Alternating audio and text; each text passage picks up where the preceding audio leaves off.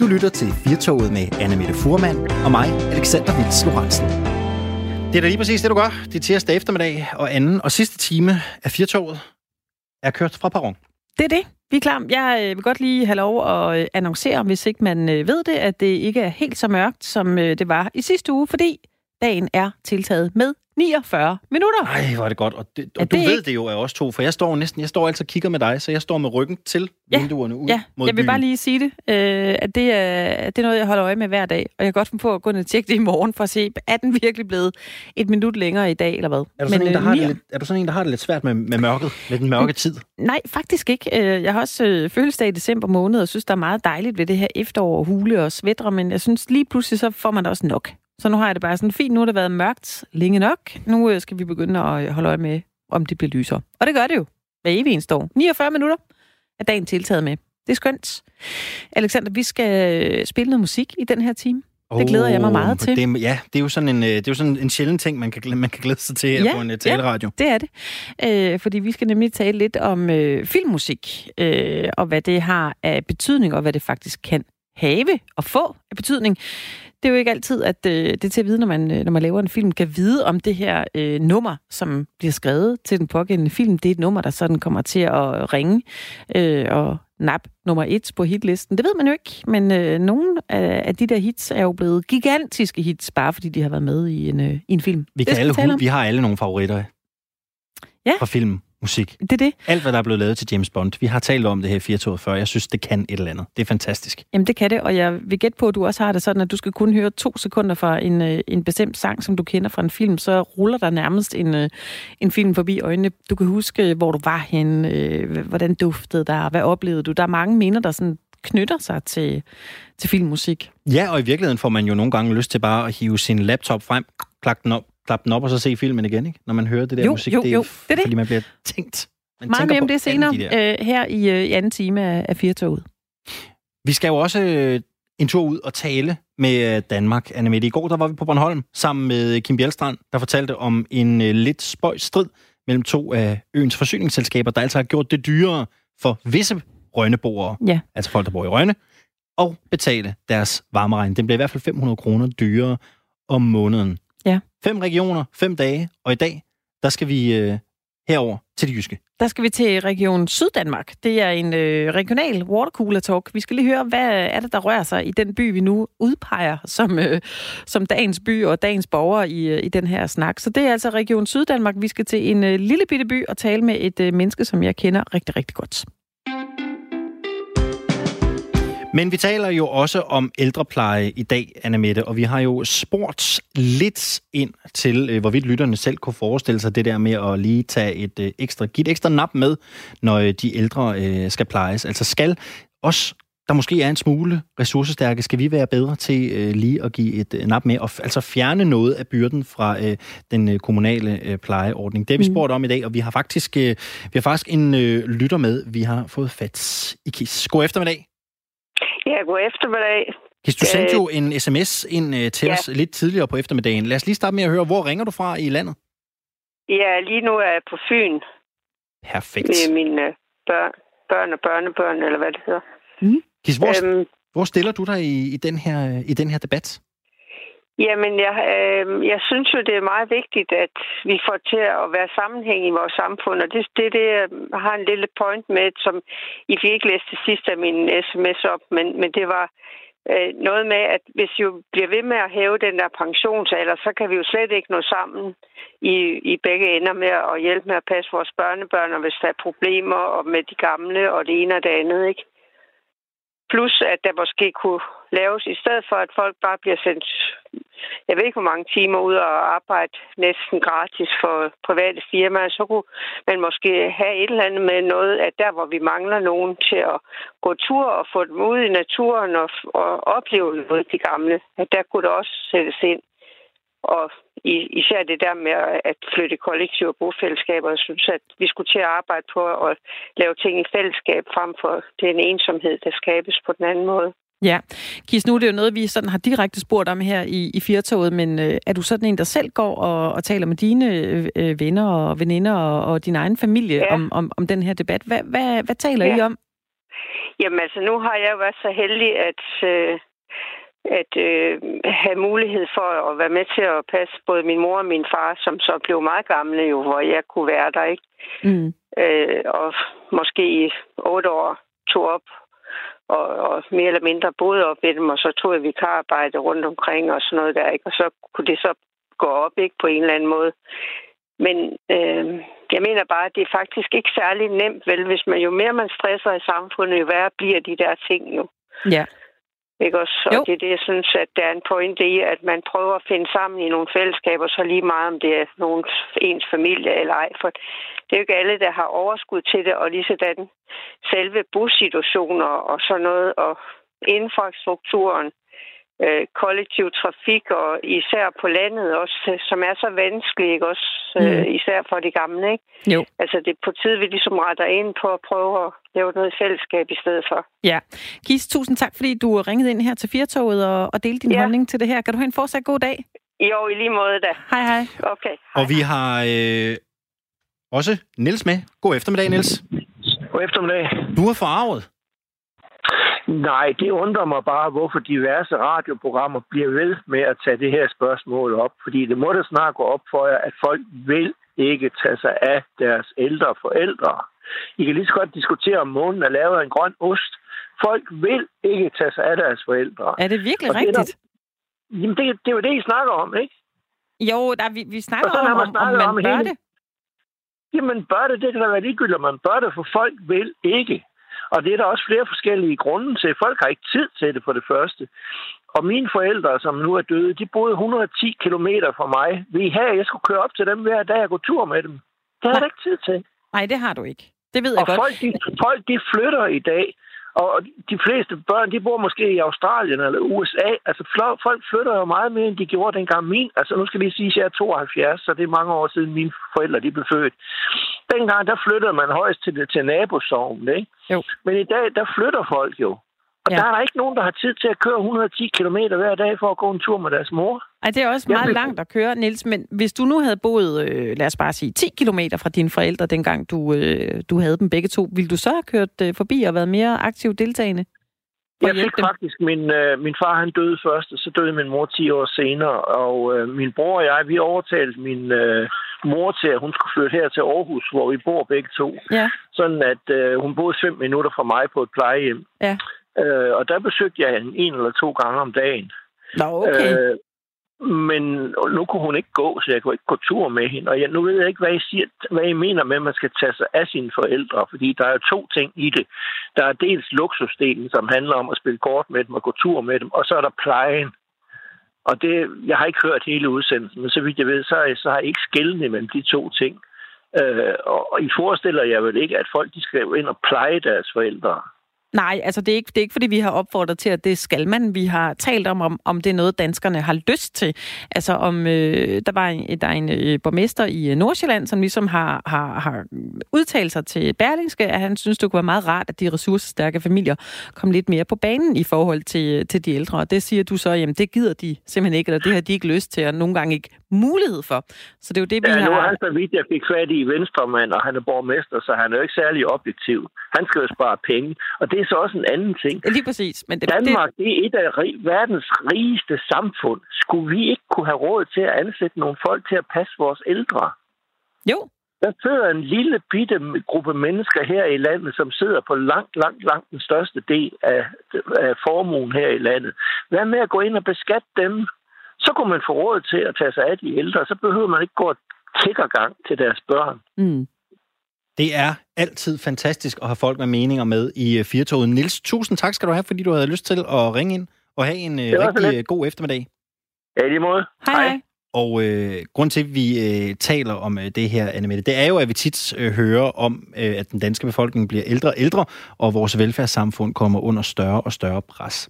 Og ham her, Venstreborgmesteren, som Nils jo også lige refererede til Jens Ive, han har udtalt som sagt, ansvaret for at tage sig af de ældre og syge skal tilbage til familien og tilbage til de pårørende. Men skal det det? Hvor meget ansvar tager vi for vores ældre allerede? Du kan stadig blande dig i øh, debatten. 72 30 44 44 72 30 44 44, eller send en uh, sms ind til os. Men for at nuancere det her spørgsmål, så skal vi tale med øh, dig, Maria Lilja Jensen. God eftermiddag og velkommen. Ja, tak. God eftermiddag. Du er chefkonsulent i ældresagen. Sådan overordnet set, er vi gode eller dårlige til at hjælpe vores ældre i Danmark? Altså det, man kan sige i forhold til den debat, der har været både med Jens Ive, borgmesteren der, og med hvad, de andre debatter, der har været omkring det her, vi kan i hvert fald se, at pårørende er faktisk på banen. Det er ikke sådan, at man slet ikke hjælper. Øh, vi har, altså det her spørgsmål om, hvorvidt pårørende skal mere på banen, det dukker op med jævne mellemrum, og det kan vi typisk se, det bliver typisk rejst af kommunerne, når de selv synes, økonomien er presset. Så kommer det op, og så siger de, skal vi ikke få de pårørende til at lave mere? Men de glemmer ligesom at se på, hvad laver de pårørende allerede. Og det har vi faktisk prøvet at se på i ældresagen af forskellige omgange, og der kan vi altså se, hvis vi tager sådan noget, en gruppe som voksne børn af hjemmehjælpsmodtagere, der siger 83 procent af dem faktisk, øh, jamen vi hjælper os. Og 23 procent af dem hjælper sig dagligt, og 45 procent af dem hjælper en til to gange om ugen.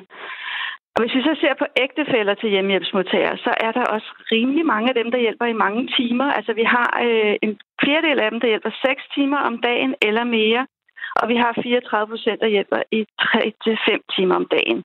Og så skal vi huske på, at de her forløb, det er nogle meget lange forløb typisk, man hjælper i, fordi når man begynder at blive alderdomssvækket, så er det selvfølgelig også lidt forskel på, hvor meget man hjælper det første år, man hjælper, og hvor meget man hjælper det 7. eller 8. år, man hjælper. Men vi kan i hvert fald se, at der er 23 procent af de ægtefælder, de hjælper også efter 8 år, og det samme gælder faktisk også for de voksne børn. Så jeg, ved, jeg, jeg synes i hvert fald ikke, man kan sige, at pårørende ikke er på banen. Altså, altså, men jeg synes, at det, de debatter, der er, bærer præg af, at der faktisk ikke er nogen, der rigtig undersøger, hvor meget pårørende på banen, hvor meget har de mulighed for at være på banen. For det er lidt, jeg hørte at de øh, lytter, der ringede ind til jer før. Det er jo også noget med, at vi bor ikke så tæt altid på den, som vi, øh, som vi er pårørende til. Og så kan det jo være ret øh, svært at komme til at hjælpe os. Men når det er sagt, så kan vi faktisk se, at, at, altså, at der er også en del voksne børn, der hjælper deres, øh, deres forældre. Hvad er, det, hvad, hvad er det typisk, de får hjælp til, øh, Maria Lille Jensen? Er det noget, jeres ja. undersøgelse viser? Ja, altså vi har lavet forskellige undersøgelser. Vi har lavet øh, en omkring voksne børn, som jeg tænker, det er det, I mest har fokus på mm. i mhm. programmet mm. her i dag. Ja. Og de hjælper typisk med sådan noget som rengøring og koordinering, altså man forskelligt, hvis man kommer fra hospital, man skal til egen læge, altså den information, der skal gå videre. Øh, man hjælper også typisk med at, at køre med transport, med at tage måske fri for arbejde og hjælpe sin far eller mor med at komme til læge på sygehus osv. Øh, og så kan vi se, at øh, man hjælper ja, også med rengøring, fik jeg sagt, og så med at holde altså arrangementer og i det hele taget med at støtte og sådan holde lidt mere øje, end man ellers ville have gjort. Når det så gælder ægtefælder, så hjælper vi faktisk også hinanden med personlig pleje, selvom vi umiddelbart tænker, at det er en ting, som, som det offentlige hjælper med. Men så skal jeg huske at sige, at det er også sådan i de undersøgelser, vi har lavet, at jo mere hjemmehjælp man får, jo mere hjælper pårørende også. Så det er ikke et spørgsmål om enten eller. Det er noget med, at hjælpebehovet gradvist bliver større. Mm. Hvis vi lige tager et, øh, et tilbageblik, hvordan, øh, hvordan har udviklingen så været øh, i forhold til det her, vi, vi taler om lige nu? Ja, det er et rigtig godt spørgsmål, fordi øh, altså, det er faktisk ikke et område, man har overvåget så meget fra offentlig side. Altså, og vi først i ældresagen begyndte at lave undersøgelser om det omkring 14-15, så der er det lidt tidligt nu at sige, at der skete de store forandringer. Men, øh, men hvis vi ser tilbage på, hvordan vores velfærdssamfund er indrettet, så er det klart, at, at når kvinderne kommer ud på arbejdsmarkedet, så er det også der, man opfinder daginstitutioner, og med tiden også øh, alderdomshjem, der bliver til plejeboliger og hjemmehjælp i højere grad. I starten blev det jo også kaldt husmor afløser, og nogen, der kunne tage sig af den, der ligesom var alene tilbage. Så det er klart, at der er sket en udvikling i og med, at vi har en rigtig høj øh, andel af kvinder, der er på arbejdsmarkedet. Vi har ikke ret mange kvinder, der er på deltid i forhold til andre lande. Øh, så, så der er jo også, altså vi har et velfærdssamfund, der har de institutioner, der skal til for, at vi også kan, kan, kan sige, at det er en del af staten og kommunernes ansvar at passe på de gamle også. Nu hører man jo tit, øh, i hvert fald i lande sydpå, at der er det meget normalt det her med, at man ligesom tager sig af de ældre, og man flytter også øh, sent ud fra hjemmet i, i visse tilfælde. Yeah. Altså, passer vi i Danmark ofte vores ældre i forhold til til andre lande, eller hvordan ser det ud? Nej, altså det, jeg, jeg synes, det er svært at sammenligne med andre, fordi på grund af de ting, jeg også sagde før, vi har ikke så, mange, vi har ikke så stort et overskud, kan man sige. Vi har ikke en hel, øh, en hel masse kvinder, der er på deltid, for eksempel. Øh, og vi har, vi har jo øh, en struktur, en, en kultur, vi har opbygget, hvor man flytter tidligt hjemmefra, og hvor man i høj grad værdsætter, at man er uafhængig af andre. Altså, der er også rigtig mange ældre, der noget af det, de frygter mest, det er faktisk, at man bliver afhængig af andre, både af offentlig hjælp, men sandelig også af hjælp fra familien. Man vil helst ikke ligge hinanden til last. Så det er svært at sammenligne sådan noget en til en, om vi er dårligere eller, eller vi er, er bedre. Men jeg synes generelt, at, at vi er, altså at pårørende er på banen. Og det skal man huske i den her debat. Man kan ikke bare regne med, at der ligger sådan en stor uudnyttet ressource hen, som kommunerne så kan vække, når nu deres økonomi er presset. Mm. Altså, vi har indrettet nogle institutioner, vi har indrettet det sådan, at man som borger har lov til at få noget hjælp, når man ikke kan klare sig selv mere. Og det er ikke indrettet sådan, at loven siger, at det skal din familie så hjælpe med. Det er indrettet sådan, så det har man faktisk ret til at få hjælp til ja. af, af sin kommune. Tror du, vi kommer til at skulle tage et, øh, et større ansvar som pårørende i fremtiden? Altså, kan, kan vi overhovedet tage et, et større ansvar, end vi, altså, end vi gør lige nu? Altså, jeg kunne godt forestille mig, at der er flere og flere opgaver, som vi kan se ender Øh, lidt hos pårørende. Måske ikke direkte sagt, at de skal ligge hos pårørende. Det er der jo nogen, der siger, men, men også, det kan også ske på en anden måde. Vi kan jo se nu, at man er kortere og kortere tid indlagt på hospital, at mere og mere behandling foregår i hjemmet. Det vil sige, at det bliver den ældres og også dermed de pårørendes eget ansvar at sørge for, at den her behandling, hvis det nu er noget medicin eller noget andet, noget blodtryksapparatsmåleri, eller hvad det nu kan være, noget telemedicin, man skal holde øje med, at det, altså, det er i højere grad noget, som man så skal tage sig af i familien, hvor det blev tidligere varetaget på hospital. Så kan vi samtidig også se, at kommunerne skærer i deres ydelser, fordi kommunernes økonomi er trang. Og så er det sådan noget, jamen vi skal stadigvæk, øh, man har ret til at få øh, hjælp til rengøring, men så hvor det tidligere måske var, det fik man en time hver 14. dag, så får man måske 45 minutter nu hver 14. dag. Og så kan man sige, det der ikke bliver gjort der, det ligger så og bliver enten taget af pårørende, eller også så bliver opgaven ikke løst. Men er det ikke også okay, hvis ikke man øh, kan eller, eller, eller vil øh, passe sine forældre, når, når de bliver gamle? Jo, altså jeg synes jo, vi synes jo i ældresagen, at det er rigtig vigtigt, at det er noget, der sker, fordi at man, øh, man kan og vil. Øh, og vi synes også, at det må være sådan, at den ældre også selv kan sige fra til eller fra i forhold til at få hjælp fra familien. Netop fordi vi kan se i forskellige undersøgelser, at man er ikke glad for at, være, at ligge hinanden til last. Man vil bare gerne være almindelig familie. Man har ikke lyst til, at man er afhængig af, at ens børn skal komme og gøre forskellige ting for en. Og hvis man som pårørende også har det sådan, at man har alt for travlt, der er også mange pårørende, der er erhvervsaktive, så nytter det jo heller ikke noget, man kommer og pålægger dem noget. Det vi kan se er, at rigtig mange gerne hjælper frivillige, og de synes, det er en stor glæde, men de synes også nogle gange, det er noget, de gør, fordi de ikke er helt trygge ved den der offentlige hjælp mm. oveni. Men vi synes, at det skal være noget, man gør, fordi man kan og vil og har lyst til det. Det, det må ikke blive noget, man kan blive pålagt at gøre, fordi kommunen ikke har råd. Så nød ordene fra Maria Lille Jensen, der altså er chefkonsulent i øh, Ældresagen. Tusind tak skal du have, fordi du havde lyst til at være med. Jamen selv tak.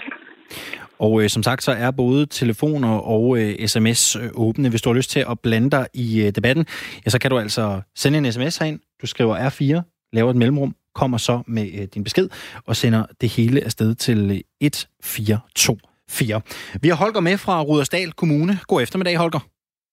Ja, goddag. Øh, jeg bor nu i Smidstrup. Øh, det er lige klods op af Rødsdal Kommune. Ah, okay. Ved du hvad? Det er min øh, geografiske viden, der ikke helt var skarp nok der. Det skal ikke ligge dig, det skal ikke ligge dig til last i hvert fald, Holger. Det klipper det. Okay. Holger, hvad er, dit, hvad, hvad er din holdning til, til temaet, vi taler om i dag? Jamen, altså min holdning, det er jo, at jeg synes, at øh, det er jo imponerende, at man begynder at lufte andelstanken igen, og vi skal til at flytte sammen i, øh, i, i forskellige sammenhæng. Men jeg synes, at det er meget væsentligt og vigtigt at øh, kigge på økonomien. Øh, Jens Eve, han har sikkert sparet nogle penge. Jo, men det kan jo også godt være, at han har sparet så meget, som han kunne. Men der, hvor man i virkeligheden, det som diskussionen egentlig burde dreje sig om, det er, har vi for mange mennesker ansat i det offentlige? Altså yder, er der fuld kapacitetsudnyttelse? Er, er alle folk i gang fra morgen til aften? Øhm, og først og fremmest har vi nogle mennesker ansat, som i virkeligheden ikke får lavet det, de skal i forhold til den arbejdsopgave, der er. Det vil sige, vi kender jo alle sammen hele ideen med øh, de mange djøffer, der findes øh, rundt omkring i det offentlige sektor. Og problemet med, med ansættelse af djøfferne, det er, at de skal jo siges op på et eller andet tidspunkt, hvis der ikke er brug for dem længere. Øh, I gamle dage havde vi noget, der hed øh, rationaliseringseksperter. Kan du huske det? Mm. Hvad siger du? Rationaliseringseksperterne, det var jo folk, der kom ind, løste en opgave, øh, satte deres aftryk, sendte en faktura, og så var de væk igen. I dag er de djøffer, der eksisterer i den offentlige sektor, stort set det samme, men de er livstidsansatte. Altså underforstået, man, vil ikke, man ønsker ikke at opsige dem. Og mit spørgsmål, det er jo egentlig meget enkelt. Det er dyre folk. Det er, altså, øh, med lang uddannelse, det er dyre folk. Vi skal slanke organisationen, og øh, vi havde en meget dygtig mand øh, i Mærsk, der hed Smedegaard. Og Smedegaard, han sagde øh, sådan, og han var jo ikke hvem som helst, han sad jo i, i en af Danmarks største virksomheder. Det var de, den gamle direktør, den gamle Mærsk-direktør, ud fra. Yes. Lige præcis. Han bor jo ikke så langt fra, fra mig. Og han sagde en meget rigtig ting. Han sagde nemlig, at han mente ikke, at det var bekymrende, at man var i stand til at kunne slanke den offentlige sektor med et sted mellem 10, 12, måske 15 procent. Og han må jo ikke have hvem som helst. Det er aldrig rigtig blevet et issue, fordi øh, danskerne de ønsker jo til synligheden i et flertal at stemme på velfærd, velfærd, velfærd. Men velfærd i forhold til ydelse, det er den snak, vi skal have. Vi skal have fat i økonomien. Og det vil sige, at vi skal prøve at finde ud af at lave... Altså, det ville jo være dejligt, hvis vi havde et rationaliseringshold, som kom ind og analyserede det med en bunden opgave på maks tre måneder, og så sige, hvor kan vi slanke og spare henne? For det, hvis vi kan slanke og spare et sted, så er der også råd til at tage sig af de gamle. Det er synspunktet. Mm. Øh, Holger, jeg skal lige høre dig sådan øh, på, øh, på det personlige plan. Har, har du selv været, øh, været øh, støttende omkring dine egne øh, forældre?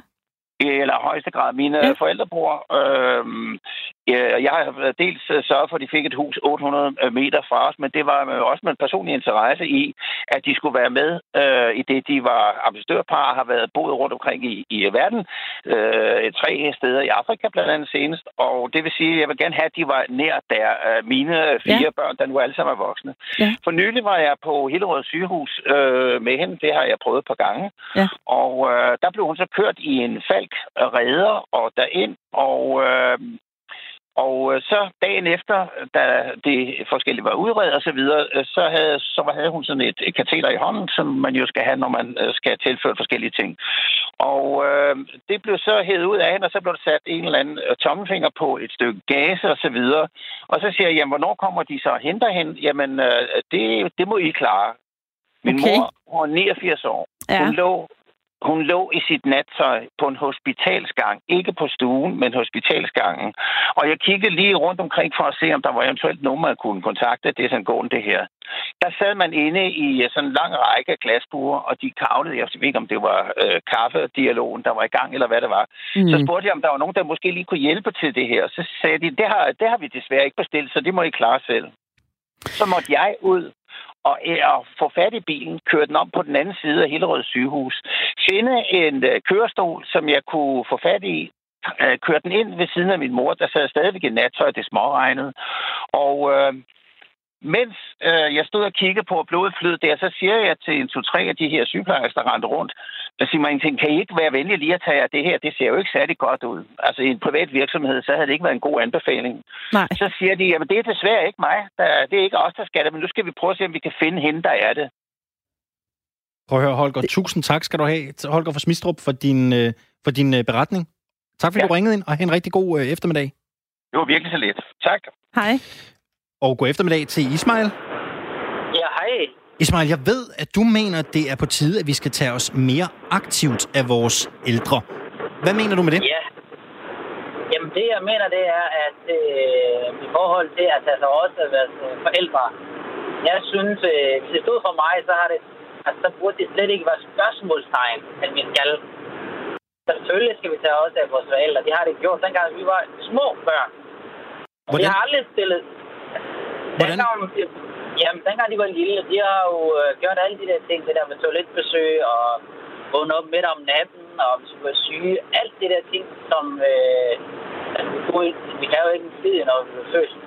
Men, øh, og, øh, og jeg synes, at det der med at hjælpe, for eksempel at hjælpe min mor eller min far med toiletbesøg, det, det burde være et, et selvfølge, mener jeg i hvert fald. Men nu, kom, nu, nu bliver jeg lidt nysgerrig her, Ismail, fordi der er jo også nogen, øh, der går så vidt som til at sige, ved du hvad, når mine forældre de bliver gamle, og de får svært ved at klare sig selv, så kan man også flytte ind sammen med dem. Altså, kunne du forestille dig sådan en model, hvor man måske lige frem bliver en aktiv del af husholdningen og flytter ind hos sine forældre, når de får ekstra meget brug for hjælp? Ja, 100 procent. Altså 100 procent. Jeg tænker, jeg har engang tænkt også over, hvad, hvordan vi kunne... Øh, altså, altså, hvordan kunne vi skrue sammen et, et, et, et ældrecenter eller et plejehjem, hvor, hvor de ældre var, også var mere en del af dem, familien. Når, når de kommer i plejehjem, så, er, så føles det som om, at de på en måde bliver afskåret fra familien og, og samvær med deres børnebørn og deres børn.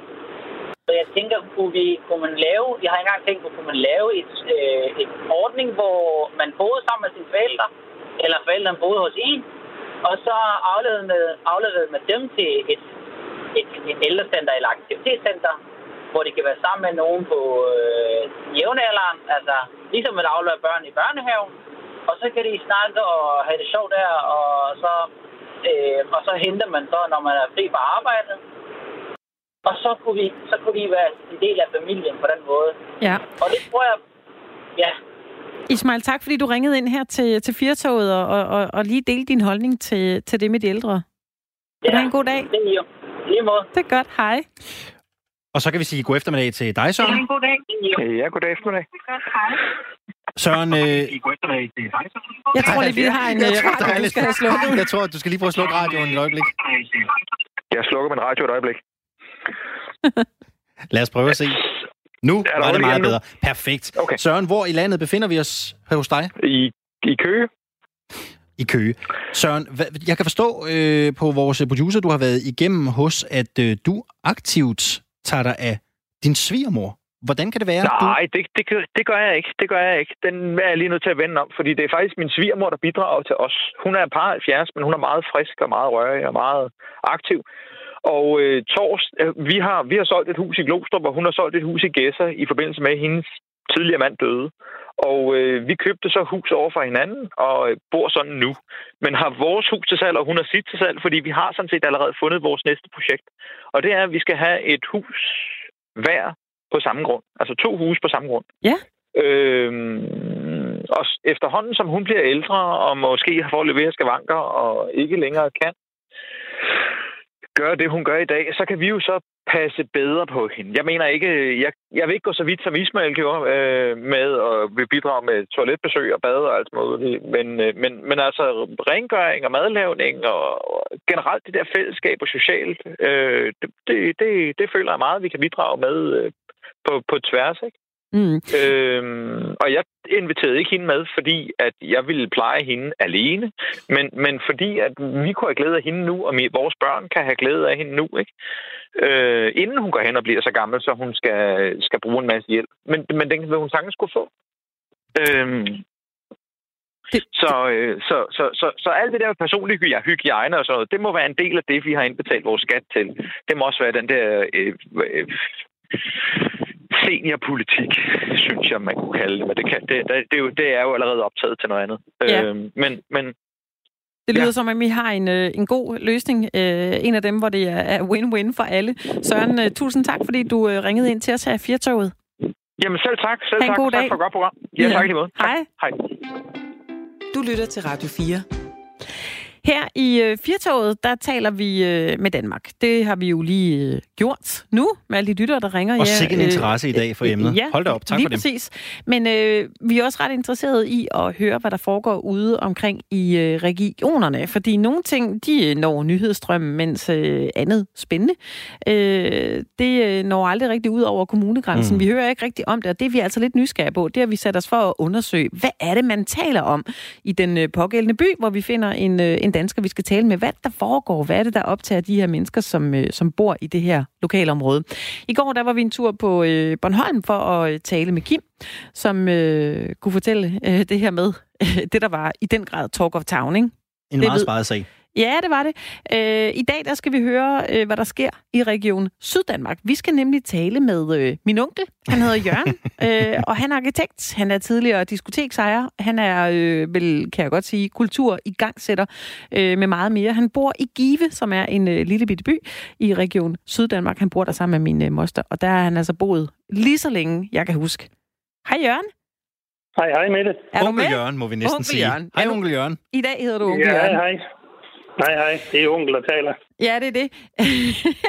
jeg er da nødt til lige at spørge, hvordan, øh, hvordan klarer sådan en, en lille flække, som, øh, som Give sig en tid, som øh, det er nok ikke blevet ind, tror jeg, endnu at flytte øh, til Give? Er det det? Nej, nej, det er det jo ikke. Altså, strømningen, tilstrømningen, den er jo stadigvæk til de større byer end Give for Give er jo kun 4600 indbyggere, så ja, vi gør der tiltag i Give for, at den er fortsat kan blive, og måske endnu mere, blive endnu mere attraktiv, end den måske var førhen. For tidligere var vi jo en rådhusby, men nu mærker vi jo, at vi er kommet under den store by Vejle. Så øh, skal man kæmpe lidt mere for tingene. Ja. Så det er jo så det, vi gør i, i dagligdagen. Ja. Hvordan, hvordan og... klarer en lille flække som, øh, som Give sig så? Ja, vi synes er et eller andet sted, når vi sidder hjemme og kigger ud herfra, at øh, det gør vi måske nogenlunde. Vi har i hvert fald gjort en del tiltag siden det blev 2006 eller 7, hvor der blev den store kommunesammenlægning. Vi lavede noget, der hedder Skulpturby Give, hvor vi prøver en masse ting omkring at pynte det offentlige rum, altså udrummen for både gæster, turister og dem, der bor der. Vi prøver at lave en masse events. Vi har isskulptur-events i december op til jul, og vi har om sommeren har vi kunst- og skulptur-events øh, hen i juni måned, og der er Give Open Air for nogle tre år siden var vi så heldige, at TV2 på tur under Tour de France øh, havde deres satellit et par dage i Give. Det er så over de dage, men nu kommer der noget andet i år. Har vi været så heldige at få noget, der hedder Danmarksmesterskabene i cykling. Det udgår for Give i, nu her også i juni måned, så vi prøver jo alt, hvad vi kan for at gøre det attraktivt. For at så noget skal lykkes, Jørgen, så er det jo vigtigt, at lokalsamfundet bakker op. Altså, hvordan er opbakningen til de her øh, arrangementer fra giveborgerne? Den er rigtig stor, og det er ikke kun at være deltagende og kigge på, hvad der sker. Det er også simpelthen at være med i arrangementerne. Øh, stå bagved, frivillige osv. Jeg tror på den musikfestival, der er hvert år i juni, der hedder Give Åben her, jamen der tror jeg, der er noget med 70-80 øh, frivillige i hvert fald. Så øh, det er jo en lille festival, det er en lille by, men alligevel små 100 mennesker, tror jeg, der er. Så øh, der er altid stor opbakning. Og nu har, øh, har dig og min søde moster jo boet i Give i øh, det, man kan kalde 100 år og en madpakke. Jeg er jo kommet der hele min øh, barndom også. Men, mm. øh, og, og, og når man er barn, så, ude, så tænker man måske ikke sådan øh, smadrer meget over, hvordan byen den lige har, har udviklet sig. Hvordan, hvordan synes du, byen har udviklet sig bare sådan, øh, skal vi sige, for de sidste 10 år? Jamen, på de sidste 10 år, det er jo netop den samme periode med kommunesammenlægningen og, og udviklingssammen. Det har den da selvfølgelig. Øh, vi synes så selv, den har stået lidt for meget i stampen overgang, og det er jo fordi, vi synes selv, at vi, der skulle være sket andre ting, end der egentlig er sket. Eksempelvis blev der udlagt et stort erhvervsområde til industrier, øh, lige da vi kom ind i, øh, i den nye øh, kommunesammenlægning, men der bliver ligesom ikke solgt nogen grunde. Og det er der så en masse årsager til. Hvorfor er det, vi ser en masse industrigrunde i Vejle og ikke i Give? Øh, jamen, det er alt fra, at de kan ikke lide, at det skal være i Vejle eller i Give, selvom der er motorveje og så videre. Det kunne for eksempel være også dem, der laver en virksomhed, at de skal, de skal belåne det. Kreditforeningen vil ikke belåne så meget, når det er postnummer 73 23 i stedet for postnummer 71 00. Det har meget at sige i dagens Danmark. Så sådan er der mange ting, man kæmper mod, men øh, jeg synes nok, at der er sket mange ting undervejs, og ikke mindst det her for nylig, hvor det lykkes også at få øh, når jeg sagt gennemtrumpe, det er det jo ikke. Det er med politikernes vilje, at vi nu skal til at samle de tre idrætsanlæg. Øh, de har været på tre geografier. Fodbold, tennis og hvad der ellers hører til. Det bliver nu samlet over de næste 4-5 år på et sted i Give, og det er også en, en ting, at både det bliver moderniseret, det bliver samlet, det bliver stort for tilflyttere, for bosætning, for det er jo det, det hele det handler om også at fastholde folk og helst få nogle flere. Ja, og det der med at trække folk til, det er jo noget, der er blevet talk of town i rigtig, rigtig mange øh, mm. kommuner mm. og rigtig mange landsbysamfund. Mm. Hvis vi nu øh, lige kan udstyre dig med titlen som ambassadør for Give, det kan vi jo roligt. Hvis du så skal fremhæve den alt overvejende grund til, at man skal rykke til Give, hvad skal det så være? Den anden overvejning det er selvfølgelig, at vi har den nærhed til, så man kan komme til og fra, for i dag pendler utrolig mange folk på arbejde. Så øh, der har vi, øh, som en del andre byer, vel sagtens også, ja, at man har en nærhed. Øh, vi har så måske lidt mere, vi har også stadigvæk vores egen station. Man kan tog til Vejle og den anden vej op mod Struer, man kan øh, tage motorvejen. Om fem år, så får vi jo et motorvejstykke mere, håber vi på fra Haderslev op mod forbi Give og længere nordpå, det der hedder Hervejs motorvejen. Så den der fleksibilitetsmulighed, den er kæmpestor. Vi har også nogle store dejlige arbejdspladser. For ikke at snakke om, at byen er meget, meget grøn. Det er ikke så mange byer herinde på heden, den jyske midthed, at der er så grønt med træer. Så det er vi selvfølgelig også stolte af. Mm. Øh, lige her til sidst, øh, kan du sådan nævne noget, øh, noget ekstraordinært ved, ved Give? Jeg ved jo, at der er en, en, en lille fin historie med, med solvognen, som, som Give jo også kan prale lidt af.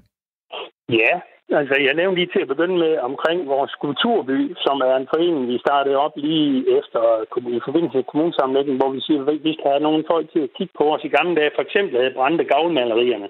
Så lavede vi det, der hedder Danmarks største åbne galleri. Det er simpelthen skulpturer, der står rundt i det åbne øh. Vi har en 75-80 stykker til at stå, hvor de fleste er til salg.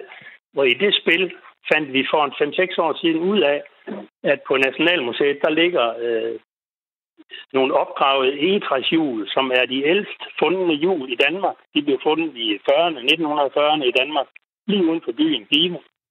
Og da vi fandt ud af det, så fik vi nogle kunstnere til at lave tema omkring jul. Så derfor står der i dag noget, der hedder soljul. Det står ude ved motorvejen i en rundkørsel, 11 meter høj skulptur, som vi selv er meget, meget stolte af. Det var frivillige indsamlinger og lokale donationer, vi har fået den op at stå. Så den synes vi selv, det er, det er en rigtig god historie. Og nu arbejder vi på at få nogle brune skilte ud i motorvejen, som fortæller lidt om, at hvis I drejer af her, kære venner, så skal I se, at der sker noget herinde specielt. Fantastisk. Jeg kan godt sige uh, hils, uh, hils min moster, ikke? Og så uh, tak, fordi vi måtte, uh, måtte låne dig her i uh, programmet, jeg. Onkel Jørgen. Det gør jeg. Vi ses. Det er fint. Tak. Ha' det godt. Hej, hej. Hej, hej. Ja, det var min onkel Jørgen. Hvor det var, var det et nedslag i uh, Region Syddanmark, og uh, det er jo fordi, vi gerne vil uh, tale med Danmark på alle mulige måder. Vores telefon er jo altid åben, så man kan ringe ind til os og debattere ting, som vi har gjort i dag på ældreområdet, men vi vil også gerne række ud til de her regioner. Hvad er det egentlig, der foregår i de her forskellige byer? I morgen, der skal vi til Nordjylland, kan jeg godt ah, afsløre. Ja. Så skal vi nordpå. Det glæder, vi os, det glæder vi os rigtig meget til. Ja. Men først noget musik, fristes man til at sige når vi ja. laver radio. Ja. Nu til noget musik. Ikke? Vi har talt og talt og talt og talt og talt, og øh, nogle gange så skal man lige øh, bryde øh, den her tale med lidt musik, og det er altså det, vi skal til nu. Men jeg skal lige allerførst spørge dig, Alexander. Kan du huske noget øh, musik fra en film, som, øh, som sådan har sat sig ekstra meget øh, fat i din øh, hukommelse? Er der, er der en sang, hvor du bare behøver at høre måske to sekunder, og så kan du sådan øh, afkode, hvad det er for et nummer, der taler om, og hvor du var henne i, i dit liv. Oh, Har du altså, det? Der, der er jo rigtig mange, ikke? men jeg tror, øh, du kan tage næsten alle, næsten alle titelmelodier fra James Bond-film, særligt de ældre, så ja. er der et eller andet, der begynder at, så er der et eller andet, der begynder at kilde i mig. Hvad med ja, dig? Ja, Jamen, altså, jeg er, er jo en 80'er tøs, ikke? så jeg, øh, hver gang jeg hører noget fra, fra Dirty Dancing eller, eller Top Gun, så, øh, altså, så, så ryger jeg øh, fuldstændig øh, tilbage i, øh, i, hvordan det var dengang. Og altså, det her med at vælge musiksiden til en, til en film, det kan jo være et, et kæmpe arbejde. Øh, lige nu kan man øh, se en øh, serie på Netflix, faktisk, som øh, øh, går bag om øh, tilblivelsen af Dirty Dancing. Og der hører man faktisk øh, manuskriptforfatteren, hende der ligesom øh, skrev filmen, at hun var fuldstændig urokkelig i forhold til, hvad for noget musik hun gerne ville øh, have med. Altså, det skulle være de og de og de numre, og ellers så ville hun overhovedet ikke øh, lave filmen. Så hun fik det trumfet igennem, og, øh, og øh, i den her dokumentar, der kan man også se, hvordan titelnummeret bliver til øh, I Had the Time of My Life, som jo er blevet et gigantisk hit. Øh, der kunne man øh, høre i dokument eller se i dokumentaren, at det faktisk øh, det er lige et nummer, der, der sådan kommer til i sidste øjeblik, øh, som jo bare ender med at blive et, øh, et kæmpe hit, der har boret sig ind i, øh, i hjernebakken på mm. millioner af mennesker. Og vi skal blive i den her snak, fordi øh, vi har inviteret William Eising øh, fra radioprogrammet Stream and Chill ind og øh, for, øh, fortælle om de film, der er sådan øh, genoplevet noget gammel musik. Og, øh, hvis ja, vi god lige... eftermiddag, kunne jeg lige... Ja, god eftermiddag. Du skal ikke få et ord indført, altså. Nej, men det er jo fordi, jeg skal lige... Øh, jeg skal jo lige fortælle, hvad det er, vi skal. Fordi vi skal tale med dig om tre numre ikke? Ja. som øh, øh, er dem, vi skal runde i dag, som både er blevet nogle øh, ørehængere, fordi de har været med i film. Jeg vil faktisk lige nu sige, må du tale. Ja, jeg vil faktisk sige, at jeg har faktisk set den der dokumentar, som du snakkede om. Er den ikke vild? Den er helt vild. Ja. Altså, det er jo øh, fedt. Uh, og jeg vil faktisk sige, der er jo også en Patrick Swayze-film, som jeg har taget med her på listen. Nå. Så øh, det var Ja, Dirty ja, Dancing jo også. Ja, ja, ja, Ja. det var det. Men det, der er så vildt i den dokumentar, det er jo faktisk også at, øh, at, at se, hvor, hvor sindssyg en produktion det var øh, med Dirty Dancing. Ikke mindst på musiksiden. Altså, der skulle rimelig mange rettigheder til for at få de her numre med. Ja, fuldstændig. Altså-. Og at de optager øh, den, den Ja. ikoniske scene, hvor han løfter hende op ude Ja. i vandet. De er øh, optaget om vinteren i, øh, jeg ved ikke, øh, hvad var det, sådan minus, øh, Ja. øh, minusgrader og sådan. Det så Ja. fantastisk. Det Så er det. øh, ja, Men du har taget tre numre med, William. Ja. Hvad, er, øh, hvad er det første, vi skal, vi skal runde? Jamen det første er, at, øh, at det er jo, at nogle gange så de her øh, musiknumre, de kan få helt nyt liv i, øh, i film. Ja. Og jeg har taget en, øh, en personlig favorit med fra den film, der hedder Guardians of the Galaxy. Mm. For der øh, har instruktøren James Gunn, han øh, har en kæmpe forkærlighed for øh, den her gamle musik, og fik det simpelthen indarbejdet i filmen, så en film, der foregår med superhelte og ude i rummet, pludselig havde lyden af, af særligt 60'erne Ja. øh, og, og 70'erne. Ja. Og, det er jo, og, og det er jo virkelig, virkelig vildt.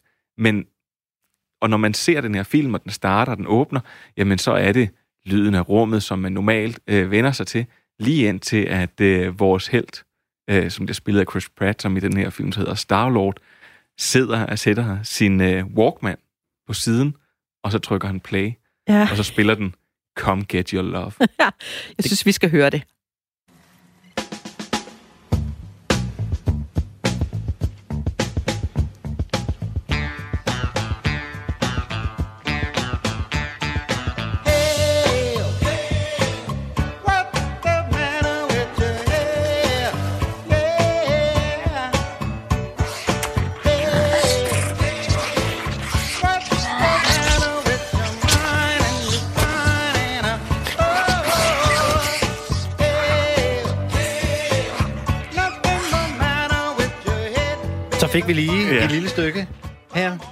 Jeg, skal lige sige, den anden lydside, der var. Ja, men det er jo fordi, at han For øh, det- render og sparker til alle mulige øh, sådan små øh, Væsner. øjlelignende væsner, øh, mens, at, øh, mens at han, han, han synger det her nummer her, eller sådan lipsynker det.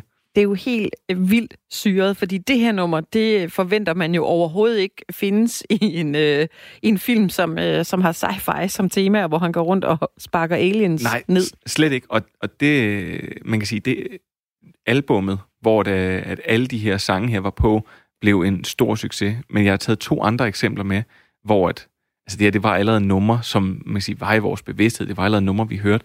Men, men det her, det bliver nogle numre, hvor at, øh, de næste to eksempler bliver nogle, simpelthen nogle film, som gav nyt liv til de her numre. Ja. Sådan i helt ekstrem grad. Øh, Lige vi går videre til, til de andre to, kan du ikke lige prøve at fortælle, hvad, hvad der er historien bag lige det her nummer, vi har, vi har hørt? Jo, men det er, at, øh, at, at, at James Gunn, han havde, da han skulle lave den her film, så udvalgte de næsten omkring 100 numre, som var hans sådan, personlige favoritter, som han var helt vild med. Og så langsomt, så kogte de tingene, øh, kogte de tingene ned til, til sådan en, en brutoliste af måske omkring 20. Og de her 20 numre her, der, der, når de indspillede nogle af de her scener her, jamen så brugte de numrene og prøvede at se, hvordan ville det fungere i den her stemning her. Ja. Øh, 100 numre havde han alligevel med. han havde Det er 100 en- numre, det en men, det, men det, det, ja, det er det. Ja. Og der er faktisk en, øh, en øh, hvad hedder det, så sent som noget det aller, aller sidste, der blev skåret fra, det var det sidste nummer, som et gammelt Fleetwood Mac-nummer, som er så alligevel ikke kom med i filmen. Ja. Men, øh, og så blev, gik der lige pludselig en gætteleg i at finde ud af, hvad for nogle, film, hvad for nogle numre kommer med i film nummer to. Ja, det er Øh. vildt nok. Men du har taget øh, flere numre med. Der er tre i alt. Hvad, hvad er øh, det næste nummer, vi, øh, vi skal runde? Hvad er, det for, hvad er det for et nummer? Jamen, det næste nummer, det er et nummer fra 1965, som øh, er med i en øh, film, som jeg personligt ikke selv kan huske rigtig handlingen i, Nej. men jeg kan huske en scene. øh, og det er, øh, det er filmen Ghost. Nu sagde jeg, der vil være en Patrick Swayze-film. Det er den. Og øh, det vilde med det her nummer her... Du behøver er- næsten ikke sige mere, når du siger Nej. scenen, vel? Ja, så, er men, vi, så er øh, vi godt klar over, hvad det men, handler om. men, hvis der alligevel skulle sidde en enkelt en derude, så er det den film, hvor at, øh, det er min mor, hun sidder og er i gang med at forme en lærkrukke, og så bagfra så kommer øh, Patrick Swayze, og så styrer han, nærmest guider hendes hænder. Ja. Og den her, øh, den her kærlighedssang, den, øh, det, det, det havde været en klar, altså det var et stort hit, da den kom ud i 1965, men den var, øh, den var gået fuldstændig død. Og det, der faktisk er det vilde, det er, at den finder simpelthen, øh, den finder simpelthen tilbage og bliver øh, nummer et på flere af Billboard-listerne verden over, altså så mange år efter, ja. at, øh, at den var udkommet, vi snakker over. Ja, nu skal lige hurtigt hovedregning, over 30 år efter, ja. så røg den simpelthen ind og blev en nummer et single og det er selvfølgelig på, på trods af den her film her. Skal vi ikke lige forestille os uh, Demi Moore, der sidder og drejer en uh, lærvase, og så har vi Patrick Swayze i, vil jeg sige, bare overkrop, der sådan uh, sidder bag ved hende. En meget og, ung Swayze. Meget ung Swayze, meget ung Demi ja. Moore, og så har vi altså lyden af de her numre bagved.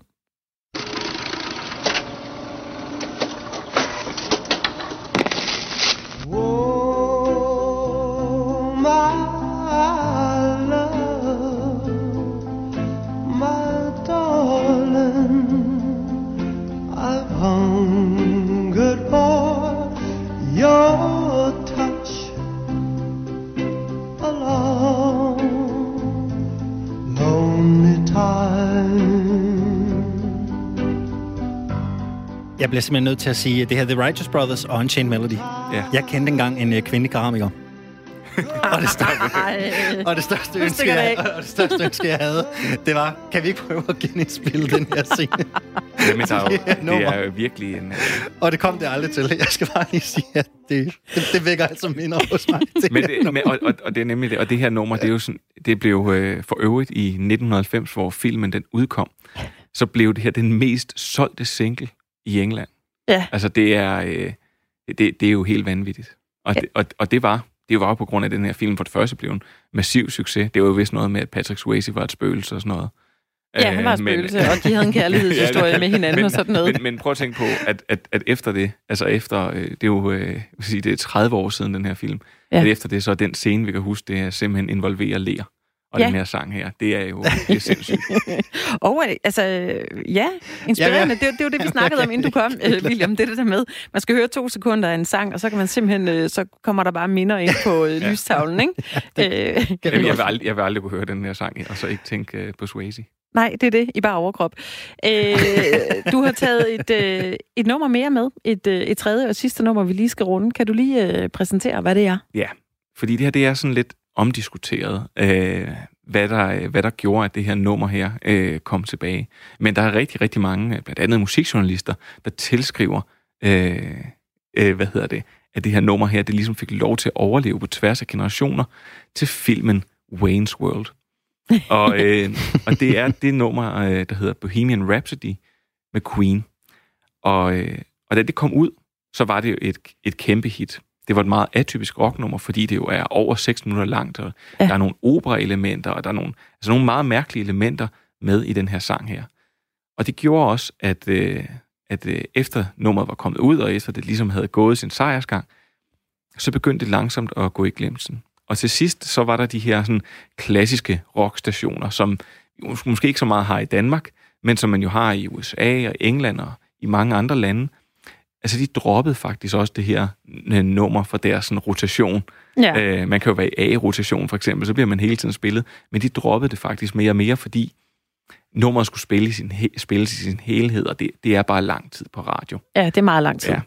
Og øh, så sker der det, øh, for det første det frygtelige, at, øh, at Freddie Mercury, han i, altså man siger, så igennem 80'erne, ja, så det her nummer her, det, det forsvinder helt fra radioerne.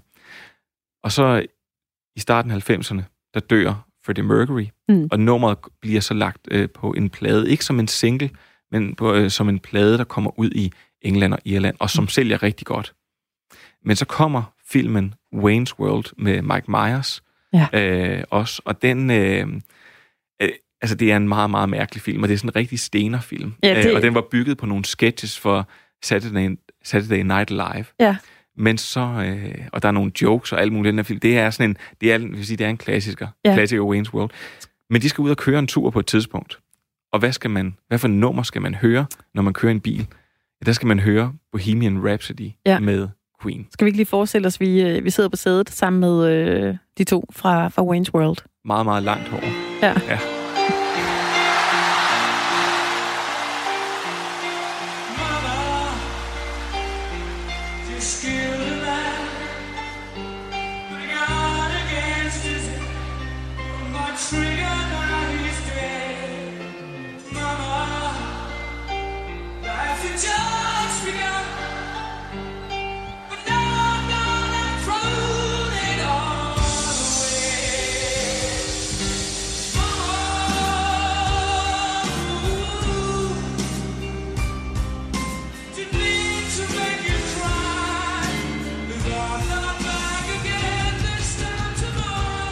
Det her, det var øh, en optagelse fra øh, Live Aids-koncerten i, i 85, hvor øh, Queen jo øh, for alvor gik ind og, øh, og gav en gas til det her øh, velgørenhedsarrangement, der var, som Bob Geldof stod bag. Og det var det er en ret ikonisk optræden, øh, ja. optagelsen her, ja, vi hørte, ikke? Og man kan sige, ifølge mine noter, som jeg lige blev nødt til at konferere med her, ja, så, øh, så dør Freddie Mercury i 91, og det er der, hvor de her opsamlingsplader kom ud.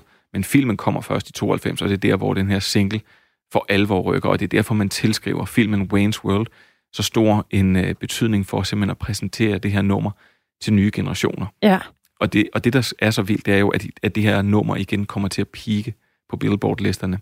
Og det, øh, og det bliver nummer to. Det ligger nummer to i USA, og blandt andet så ligger det øh, altså, og, altså på deres Billboard. Og i perioden, der hedder 90 til 1999, der er det her den 23. mest solgte single i, øh, i England. Ja. Og det er altså vildt, fordi det igen, så snakker vi altså 25 år siden i hvert fald, at det her øh, nummer det udkom. Ja. Og de tre numre, vi har hørt i dag, så er det her jo et, der i den grad stadigvæk... Altså, jeg tror, hvis man sidder til en uh, rigtig god fest klokken uh, 3 om natten, uh, så uh, er der rigtig mange, der kan finde på at scrolle med uh, til, de her numre, til det her nummer fra, fra Queen. Man kan så sige Ghost-nummeret, så skal vi måske lidt senere ud på natten, for man spiller det. Men, men, men det her, det, det kan jo virkelig stadig noget i dag, og er jo et nærmest alle generationer kender. Ja, og det kan man... Uh, altså, nu, vil sige, nu er det ikke mig, der siger det her. Det her mm. noget, jeg sådan har kunne læse mig frem til flere steder. Det, Altså det takker man til, kan man næsten takke Wayne's World for, hvor mærkeligt det end lyder. Det er ja. i hvert fald, det bliver i hvert fald tilskrevet en stor del af det, at det her nummer her, det simpelthen, mm. simpelthen blev introduceret på ny til, ja. en, øh, til en ny generation. William, her øh, til sidst kan du nævne andre steder, hvor man øh, også fokuserer en del på, på musiksiden øh, af film eller, eller serier, og, og med hvilket formål? Jamen, det er jo altid med at skabe en, øh, en ny stemning Altså, eller skabe en ny stemning. En eller anden stemning, skulle jeg sige. Øh, jeg har lige set uh, anden sæson af den udmærkede Netflix-serie, der hedder Sex Education. Ja. og der har de, uh, der bruger de musik i meget, meget høj grad. Ja. Sådan lidt, lidt punket, lidt rocket, og, og hiver også fat i flere, flere klassiske numre. Og det er meget for at skabe et, enten et tidsbillede for os, eller mm. skabe en stemning, som vi forbinder med de her numre her. Ja. Og så kan man sige, så kan det godt være, at vi forbinder forskellige numre med forskellige ting, men man kan sige, man kan jo også lykkes med at skabe noget universelt, altså Unchained Melody, ja. som vi spillede som nummer to. Jamen, mm. den, ja. det, er jo, det er jo en kærlighedssang. Og så siger du selv, at det er sådan en skrål med sang. Jamen, det er jo sjovt nok også det, de gør i mm. Wayne's World. Mm. Det er sådan en skrål, det er sådan en skrål med sang. ja. og, og, og det er jo det, som man kan bruge de her stykker musik til. Ja. William øh, Eising, tak fordi du kom og, og gæstede os her i, øh, i Firtoget. Man kan, jo, øh, man kan jo lytte til dig også på kanalen i dit, øh, i dit eget program, Stream and Chill. Og lad os lige høre, William, det er torsdag fra 18 til 19. Hvad skal der ske på torsdag i Stream and Chill?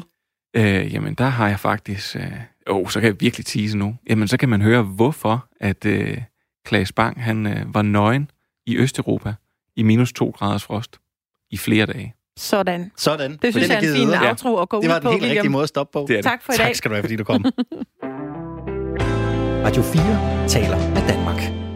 Nå, Alexander, jeg vidste ikke, du havde øh, sådan øh, datet en keramiker, og så haft en hed drøm om at høre, øh, høre det her nummer fra filmen Ghost. Som, øh, det, som, var ikke, det var ikke nummeret, jeg havde en drøm om. Det var bare, Nå. jeg gad godt prøve scenen. Ja, ja, ja. Det var bare, jeg synes, Righteous Brothers, hvor, tit, hvor tit møder man en keramiker, så skal det da prøves. Det er rigtigt. Det har du fuldstændig ret i. det, blev, det blev det ikke til, kan jeg så sige. og det er jo det, musik kan. Det vækker minder, og det gjorde det i hvert fald også her. ja. Firtoget er ved at være slut for i dag, og hold da op en uh, tur, vi har været på. Det har fyldt en del uh, med ældrepleje i dag, det som vi jo har uh, talt om og haft rigtig mange lyttere med på uh, emnet om, hvem det egentlig er, der sådan rigtig skal tage sig af de ældre i fremtiden. Er det ja. en opgave, der skal ligge hos de måske mere ressourcestærke tilhører, eller er det uh, noget, der ligger hos kommunen. Ja. Helt 100 procent. Man kan i hvert fald høre på, øh, på vores firetogslyttere i dag, at de var alle sammen, øh, dem vi havde igennem i hvert fald, meget aktive i forhold til selv at hjælpe den øh, ældre generation, og også være opmærksom på, hvordan de som de ældre øh, kunne hjælpe den yngre generation faktisk.